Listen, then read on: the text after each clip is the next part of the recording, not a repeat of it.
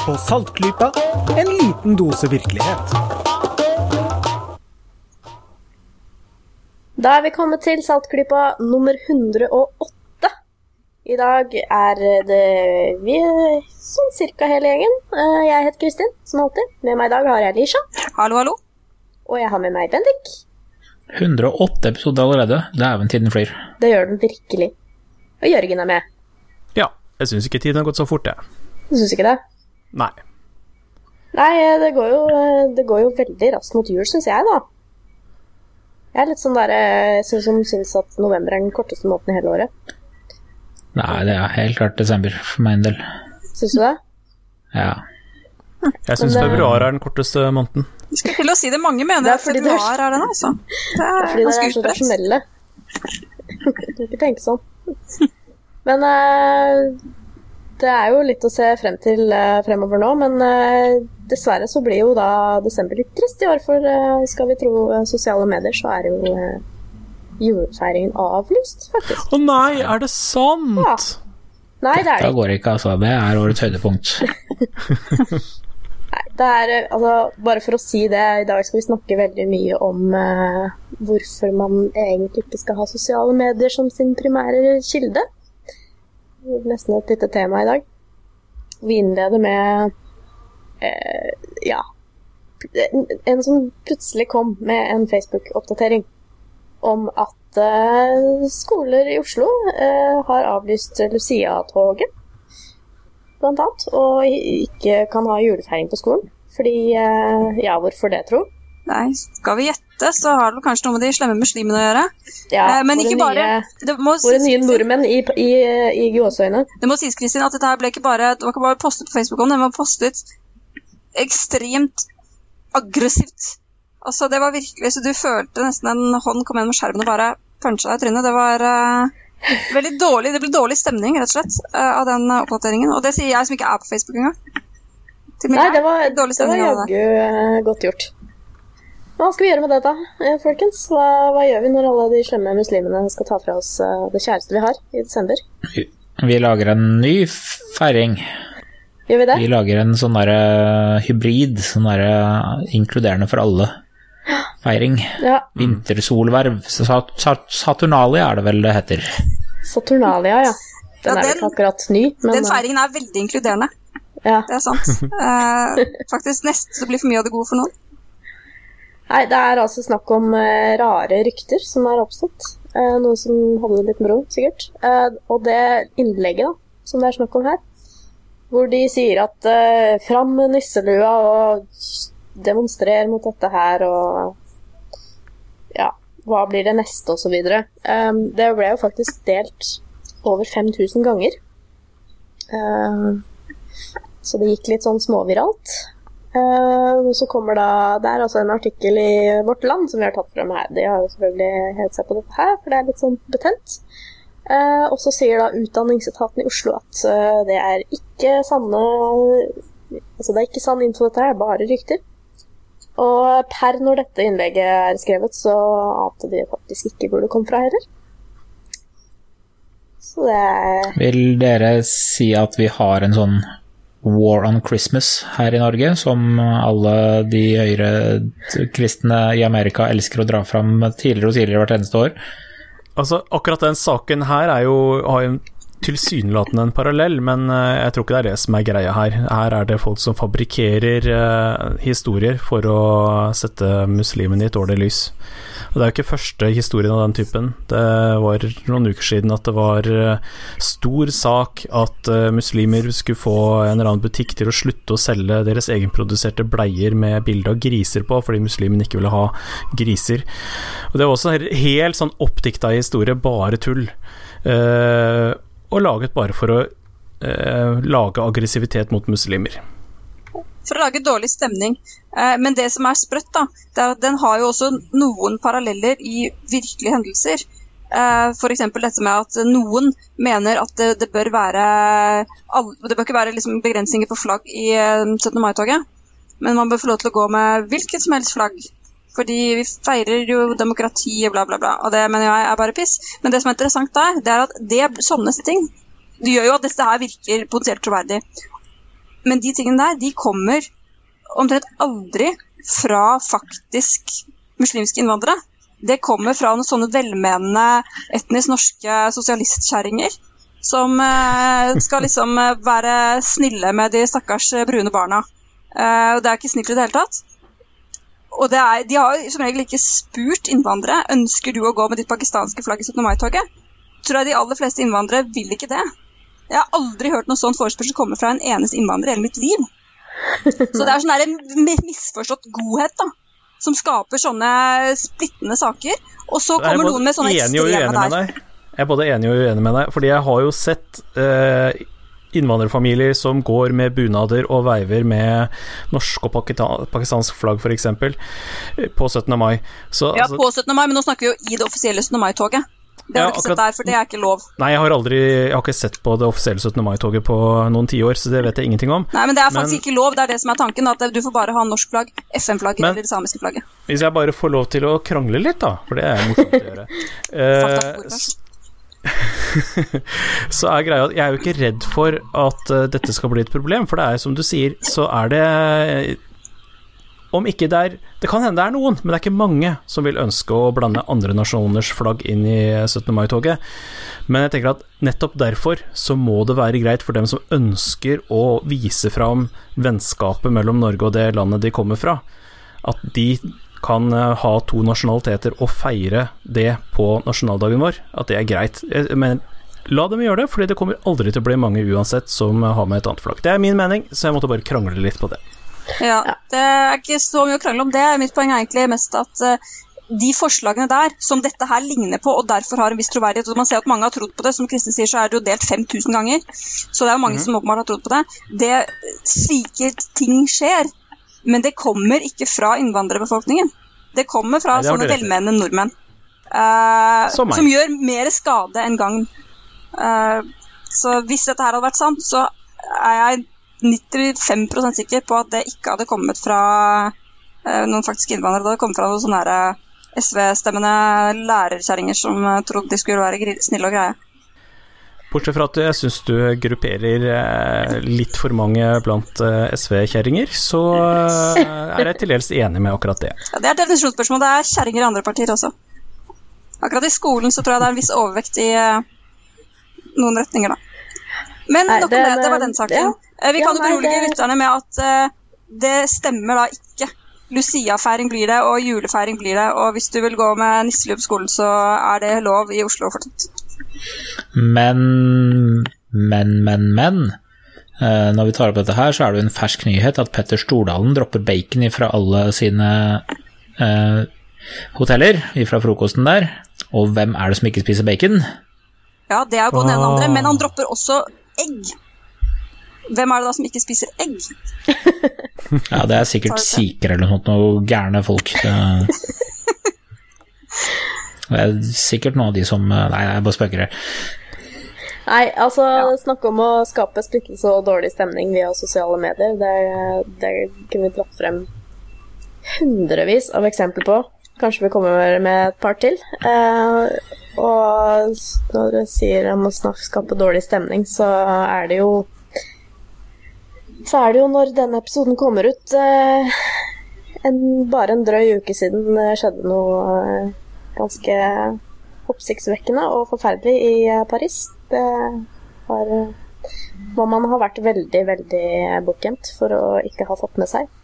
Eh, og vi skal ikke snakke så veldig mye spesifikt om det, men eh, om noen lurer på om eh, det har kommet noen konspirasjonsteorier om falsk flaggoperasjoner og eh, sånne ting eh, rundt dette terrorangrepet i Paris, eh, så kan vi da si at ja, det har det. Selvsagt. Nei, vi er ikke overrasket, og det burde dere selvfølgelig ikke være heller. Det kom bare timer etter at det skjedde, og nei, vi skal heller ikke lenke til noen av dem. For De kom liksom- lørdag morgen. Ja. De var, eh, de var nærmest eh, klare på forhånd. Fordi teoriene de er så forutsigbare at det er bare å bytte ut litt stedstand og sånt noe. Så er det jo samme greia som vi har hørt så mange ganger før. Men sånn, når man snakker om det, da altså, Det er så viktig nå når sånt skjer. Altså sånn, sånne store, katastrofale hendelser da er jo sosiale medier det, da er jo sosiale medier kongen. ikke sant? Twitter og Facebook. Det er jo sånn Det blir jo brukt til mye bra. Eksempel hvis det har skjedd et jordskjelv et sted, så er det jo folk som, som tvitrer om det timer før visse nyhetskanaler får vite om det, og det er, det er med på å, å globalisere eh, hendelser så utrolig fort nå. På godt og vondt, selvfølgelig. Fordi altså vi er en podkast om kritisk tenkning, og hvordan kan man altså bedømme hva som er riktig, hva er det som er korrekt, og hva som ikke er det, i altså denne her stormen av sosiale mediebeskjeder som kommer i eh, minuttene og timene etter en slik hendelse? Det er jo litt greit å, å spørre om. Altså snakke om eh, en, en hendelse som har med på en måte helt utrolig dustete, falske uh, sosiale medier, virale innlegg. F.eks. for eksempel en, uh, en Hva er det, en dataspillanmelder? I Canada? I Canada, som heter Verendel Jubal. Han er, han er tilfeldigvis sikh. og han ble ganske utsatt for noe ganske rart. Det er nemlig noen som eh, tenker sånn at eh, han har litt skjegg, og han har en turban. Derfor så kan vi photoshoppe et bilde av han som står og tar bilde av seg selv i speilet, eh, til å ha på seg bombevest og en koran i hånden istedenfor ja. iPaden sin, da. Det er så stygt. Det er, det er sånn, sånn, sånn, sånn, som blir gjort.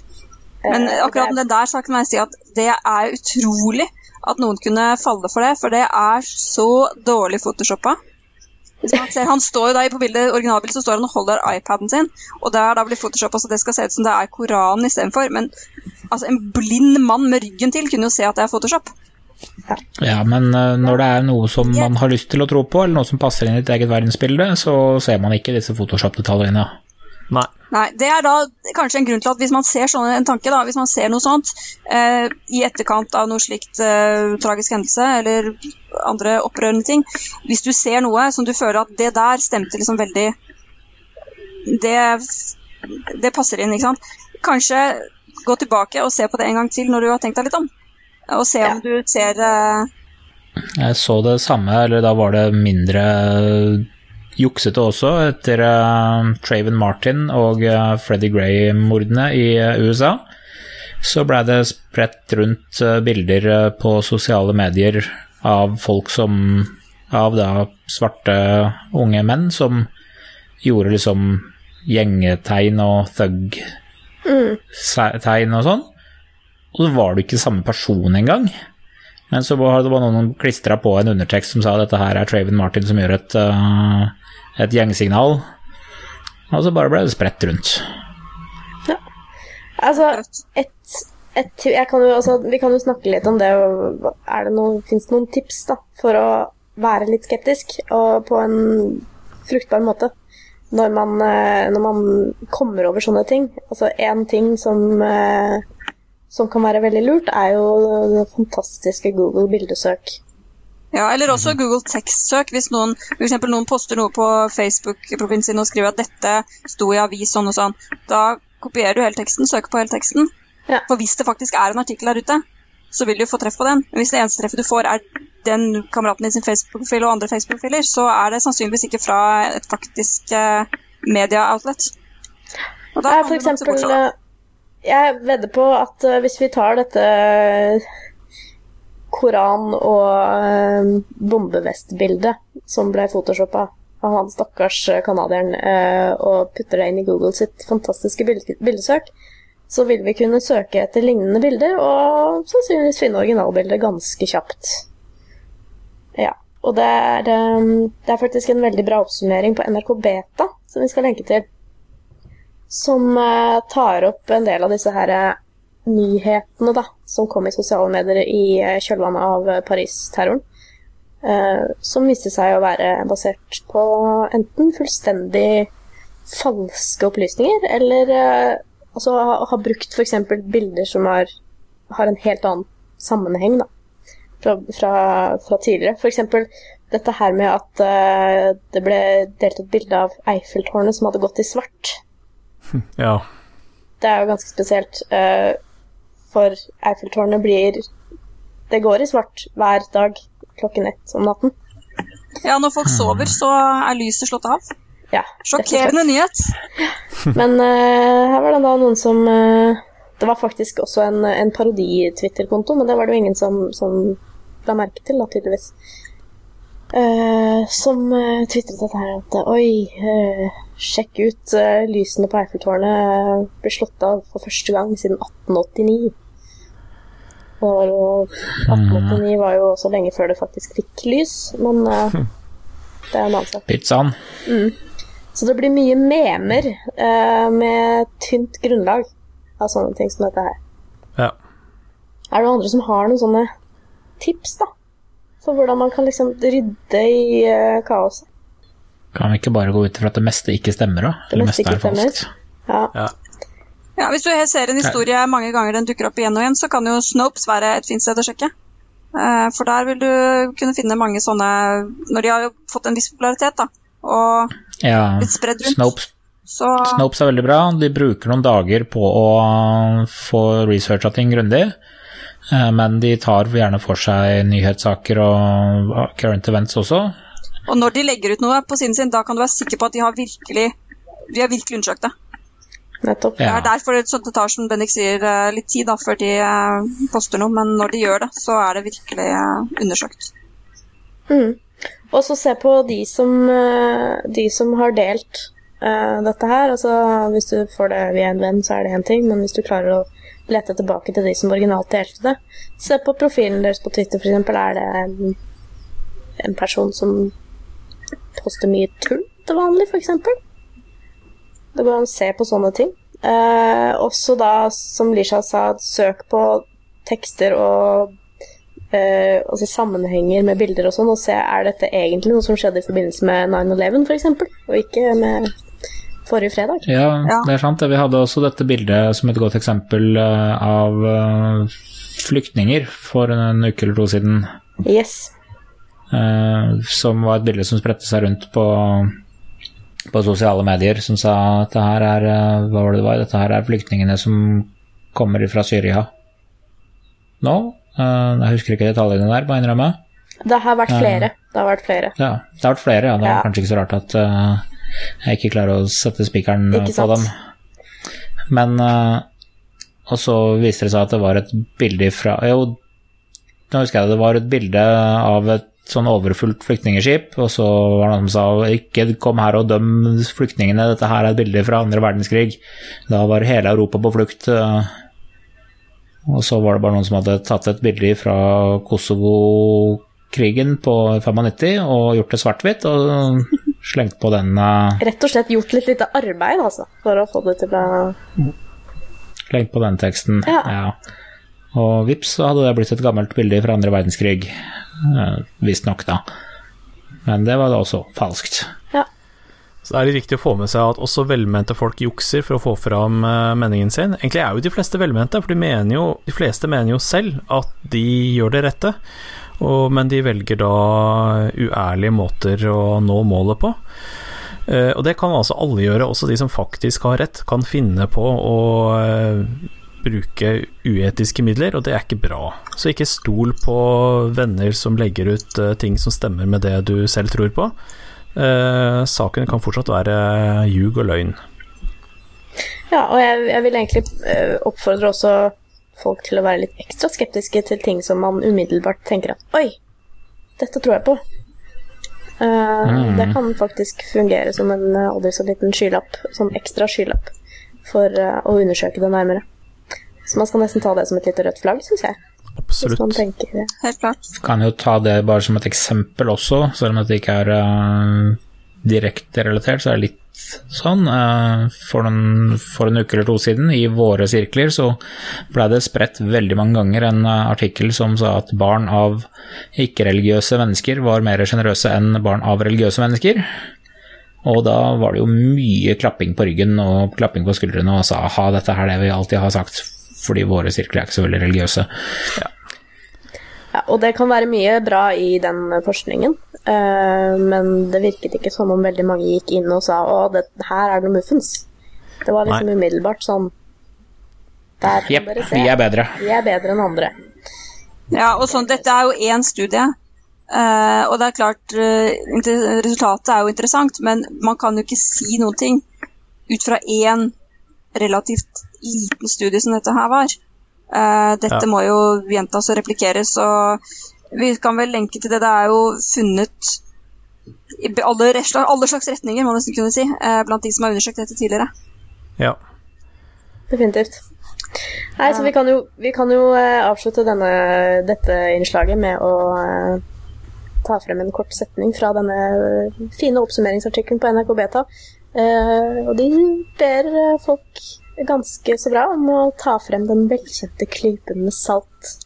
Ja! Det synes jeg var godt sagt. Det er et godt råd.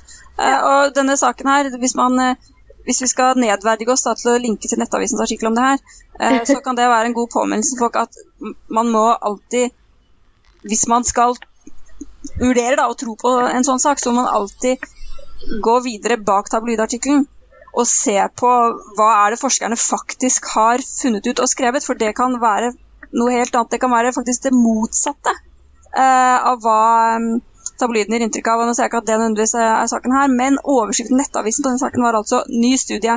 Religion gjør barn egoistiske'. Ja, det var en fin overskrift, du. Ja, den var jo Det var med. eh, saklig og uh, objektiv. Så de forskerne bak den studien de ville sikkert vært helt fornøyd med den. Regner jeg med. Vi oppfordrer i hvert fall alle våre lyttere til å være sjenerøse uansett tro. Ja.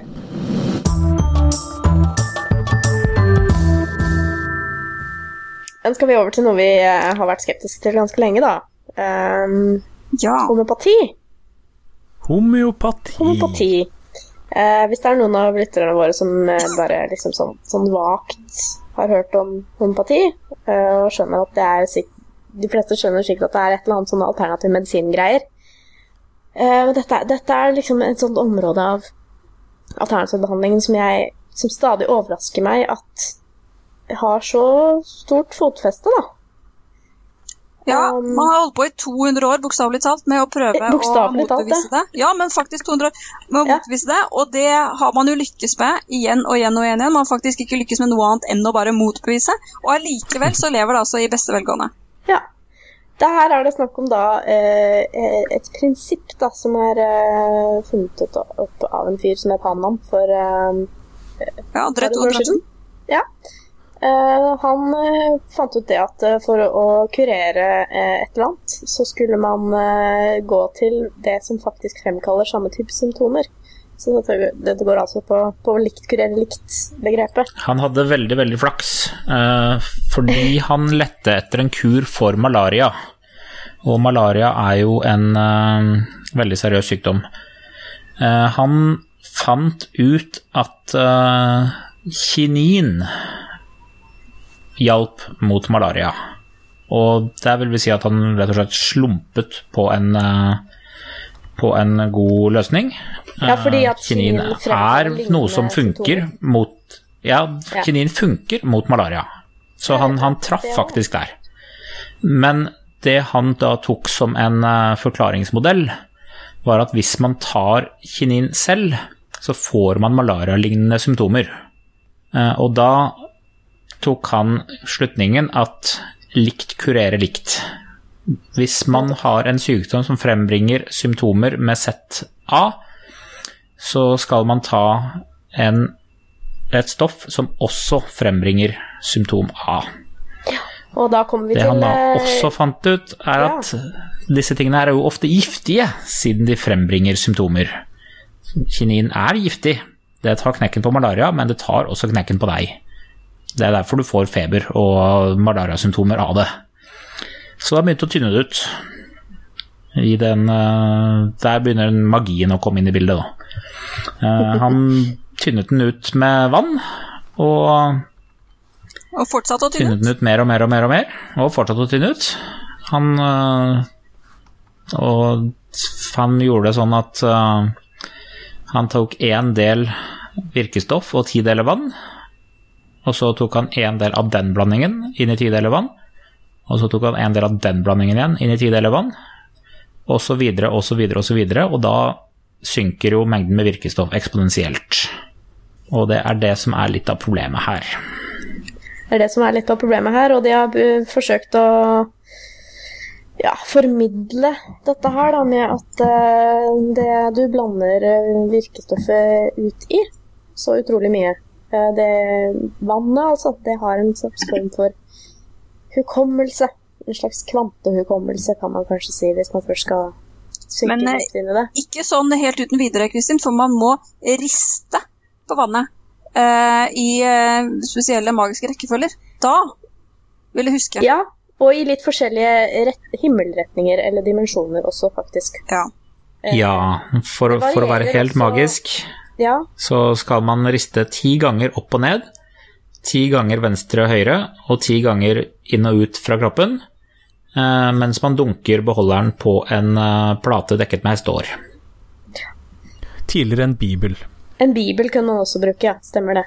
Eh, og man snakket om én del virkestoff til ti deler vann. Altså man bruker jo også én del virkestoff i 100 deler vann, eller 99, da. Altså, altså det, det, det går jo nesten ikke an å forestille seg uh, de Altså De løsningene som, som blir når du gjør denne her eh, tingen 1300 ganger, f.eks. Altså, du vil ikke De, I homeopatiens verden så blir effekten av legemiddelet faktisk kraftigere jo mer uttynnet den er. Jo flere ganger du har gjort denne prosessen, jo kraftigere blir effekten.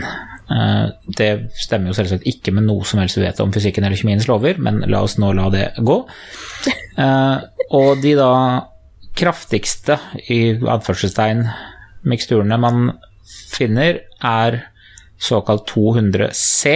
C-en står for centi, eller hundredel. Da har den tatt én del virkestoff, 99 deler vann, og så har de gjort det 200 ganger. Ja. Eh, til eksempel, hvis man i Når man får en så uttynnet mikstur, for å finne et eneste molekyl av originalstoffet, så skal man ha en kule med vann ca. på størrelse med jordens omkrets rundt sola. Med andre ord, det er ingenting igjen av virkestoffet. Nei, Det er bare vann. Ja, det kommer til et punkt der at uh, dette forholdet blir så stort at det er faktisk ikke mulig å finne noen molekyl igjen. For all intents and purposes, som det heter på godt norsk. Og um, Det er ikke engang for all intents and purposes. Det er ikke noe molekyl i det. Det er rent vann. ja. Så da er det bare kvantehukommelsen igjen. Ja. Det er vann, men det er magisk vann.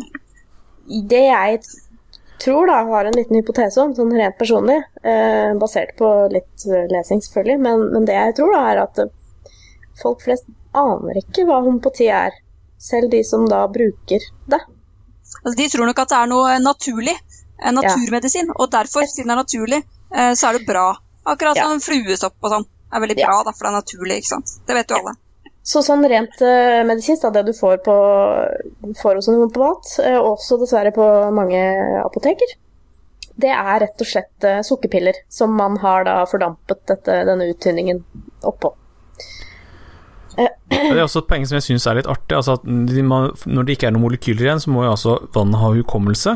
Og så overfører man dette vannet til disse sukkerpillene. Og så blir det ikke noe vann igjen heller. Nei. Nei. Ingen har forklart meg hvordan uh, disse sukkerpillene overtar hukommelsen til vannet som nå har forsvunnet. Men uh, det er nå så. Det, kanskje det er der det ligger, da, at ikke vi, vi har hørt den forklaringen ennå. Eh, kanskje. Bare du hører den, så kommer du til å skjønne alt. Yes. Nei, men uh, det som da eh, kanskje kan legge en liten Eller kanskje ikke eh, demper på dette her, er at det faktisk eh, eh, Altså, det blir stadig vanskelig å selge homopatiske piller i Norge. Og fra 2017 av eh, så kan eh, faktisk mange av de pillene som finnes på det norske markedet i dag, bli helt utilgjengelige. Eh, og det er altså faktisk ikke en sånn spesiell norsk lov, men det er et EU-direktiv som blir innført. Og blant annet så er det da en Altså, du- må, du må registrere alt det du skal få godkjent. Og det blir innført et gebyr. Eh, Norge blir det da 4000 kroner for hvert eh, av disse midlene som søkes registrert. Eh, og i Norge så er det da nylig innført ganske sterke restriksjoner mot å importere legemidler for privatpersoner, da. Og Fri Tanke har en Altså nettavisen til Humanitisk Forbund, fritanke.no, har en god reportasje om dette her.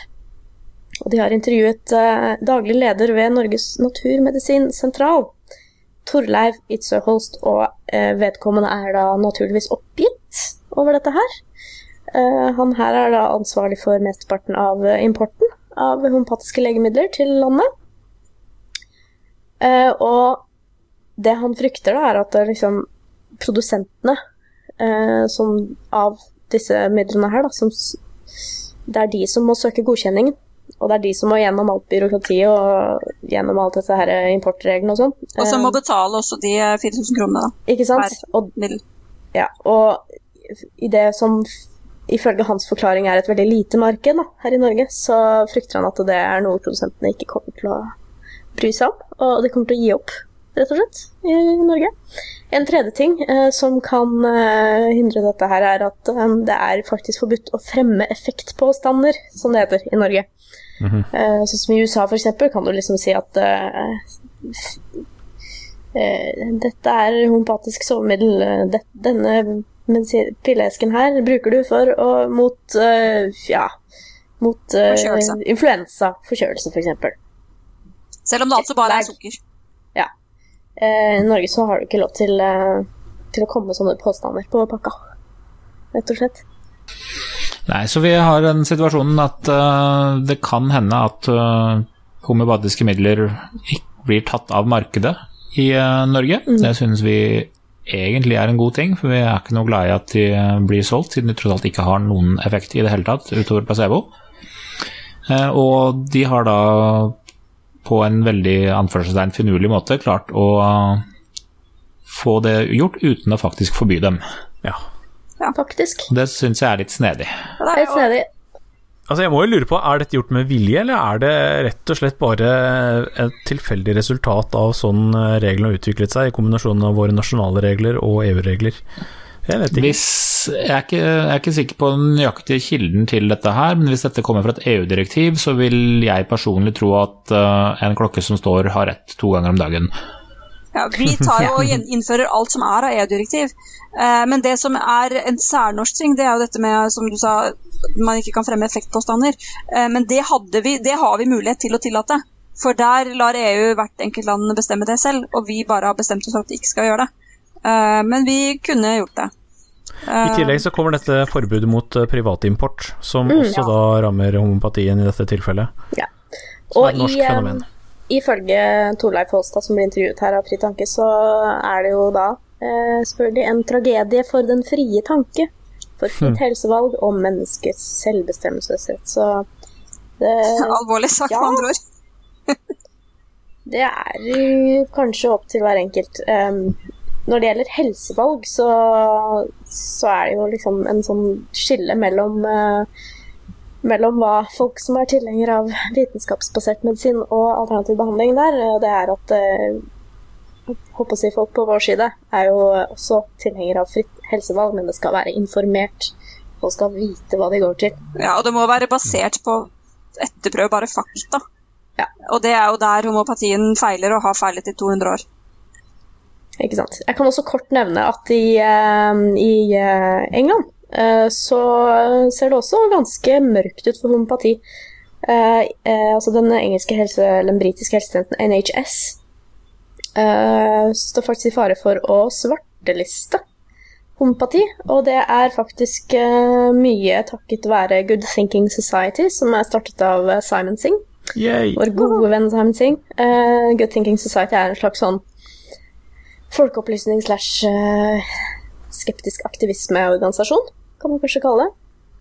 De har eh, til enhver tid sånne små prosjekter gående og, om å gå ting i sømmene og opplyse for media og sånne ting, og det syns jeg er kjempebra. Um, så lenge liksom Altså, jeg syns det er supert med aktivisme så lenge det baserer seg på ting som faktisk er grundig godt i sømmene og vitenskapelig basert.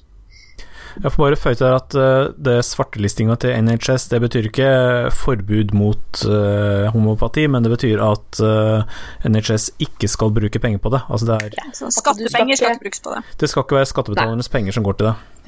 altså Du skal ikke få det skrevet ut på resept av fastlegen din. Nei. Det er det som er greia. Så vi får se hvordan det, hvordan det går.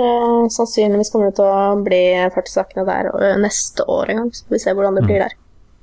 Men det jeg syns Altså, jeg er jo jeg er fornøyd hvis det blir resultatet at uh, homopati rett og slett forsvinner fra markedet i Norge. Uh, selvfølgelig dumt for de som utdanner seg til homopati, det er jo en del av dem som lever av dette her. Uh, men de lever jo av tull, så, så det er for så vidt greit, det.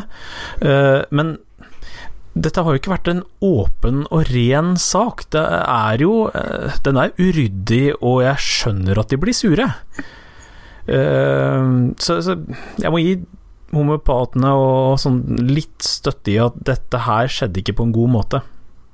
Nei, og det kommer jo til å være uansett et marked for folk som driver og smugler sånne ting rundt omkring. Og vi har internett nå, folkens, som vi nevnte i stad. Altså ting ja. Du kan opplyse om ting alt mulig, enten det er sant eller ikke. Og spre det til ganske mange.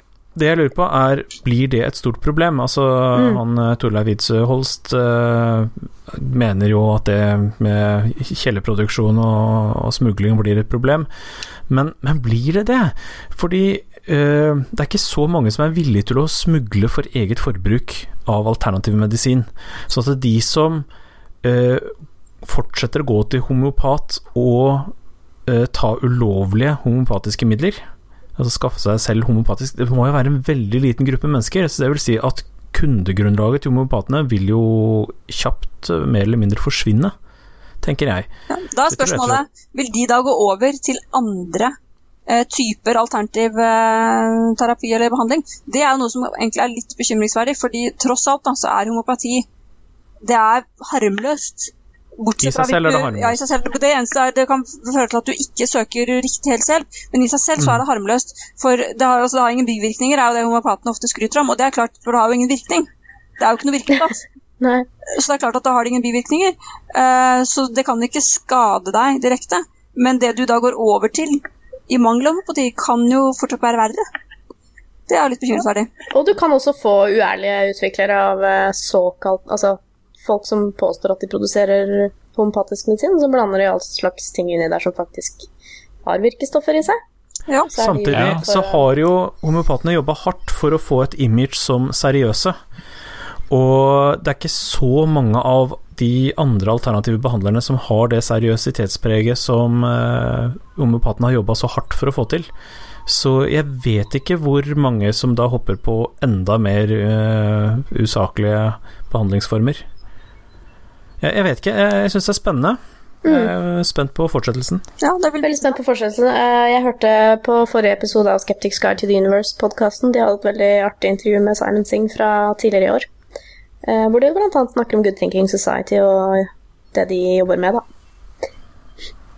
Så det er kjempegøy. Jeg snakker om ulovlig markedsføring, så hadde du noen nyheter der, Jørgen?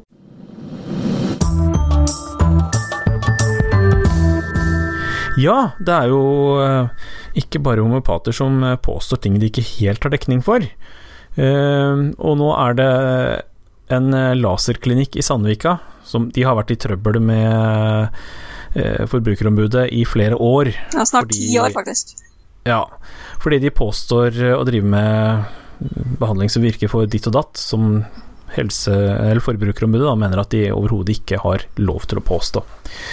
Uh, og nå har eh, Ser det ut til å komme til en eh, ganske eh, ja, Ikke om ikke en slutt, så i hvert fall så har det kommet til en konklusjon foreløpig. De får en bot på 100 000 kroner for ulovlig markedsføring, og i tillegg kommer en tvangsmult på 300 000 kroner. Hva er forskjellen på de to tingene? Jeg har ikke helt satt meg inn i det. Uh, hva som er hva og hvorfor av akkurat det. Hva er forskjellen på en bot og en mulkt? En mulkt er vel et gebyr du får for å ha ikke, altså, ikke ha gjort noe i tide.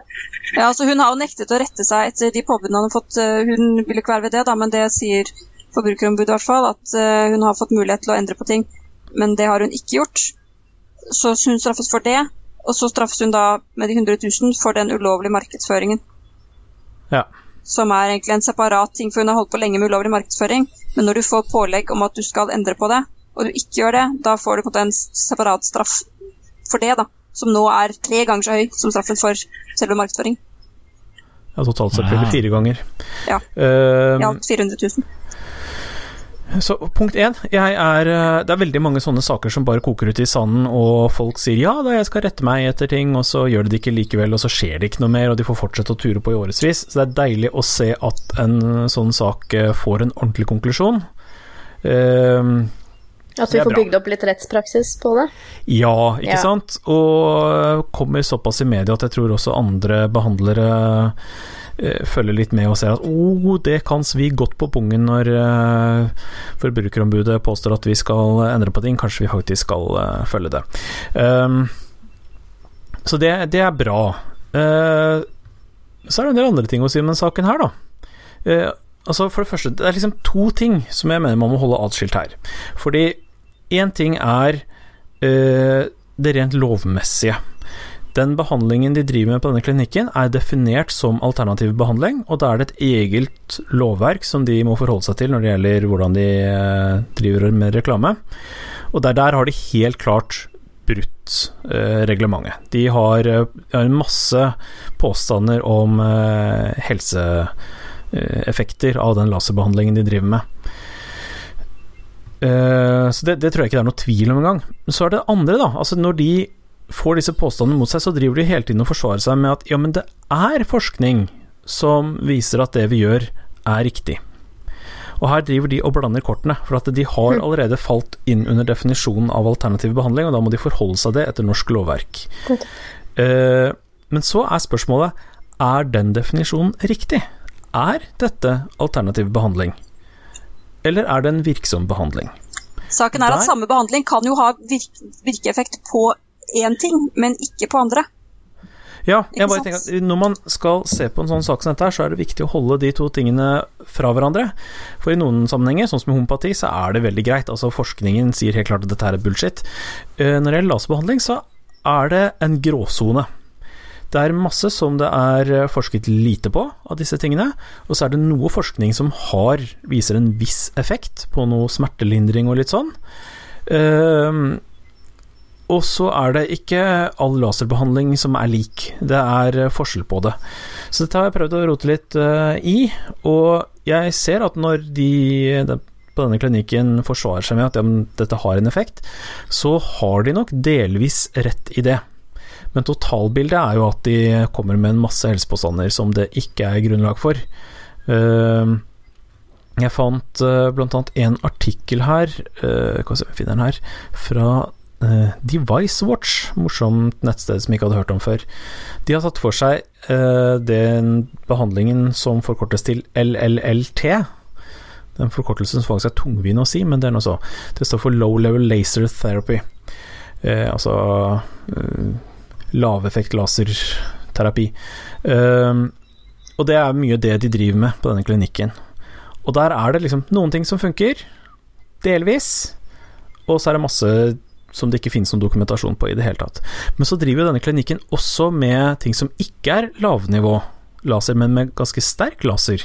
Ting som er ganske reelt. De driver med hårfjerning, som er en kjent teknikk. Det funker. De driver med tatoveringsfjerning. Det er en helt reell ting. Det funker. Så de gjør en masse rart som er eh, Som overhodet ikke er alternativ medisin. Det er ting som faktisk funker og er en helt reell ting. De, de fører en helt grei tjeneste.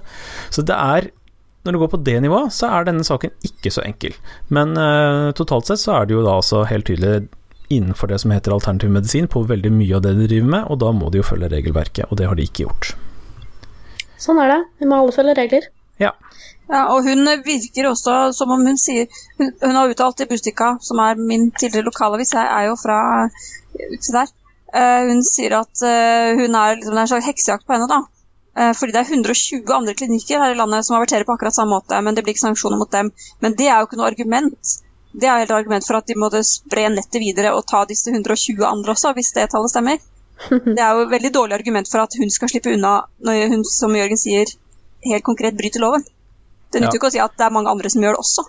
Og så hører det med til situasjonen at uh, hun eier også en del av disse andre laserklinikkene som hun refererer til. Så eh, altså I, å ja. Det er jo ikke så rart at de averterer på samme måte. Nei.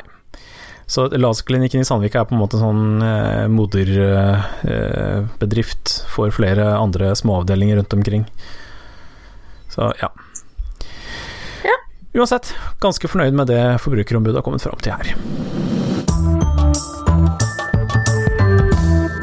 Ja. Vi har snakket om mye rart i dag. Er det noen som har lyst til å avslutte med noe festlig? Ja, det kom jo en nyhet nå veldig nylig som eh, jeg syns er en eh, veldig god nyhet. da.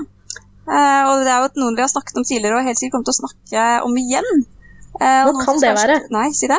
Eh, det er noen vi kanskje mener er ganske tidlig da, å begynne å snakke om Eurovision Song Contest igjen. Eh, men det er faktisk ikke det. For snart så begynner de første landene å velge sin, sitt bidrag eh, til det som ser til å bli Stockholm 2016.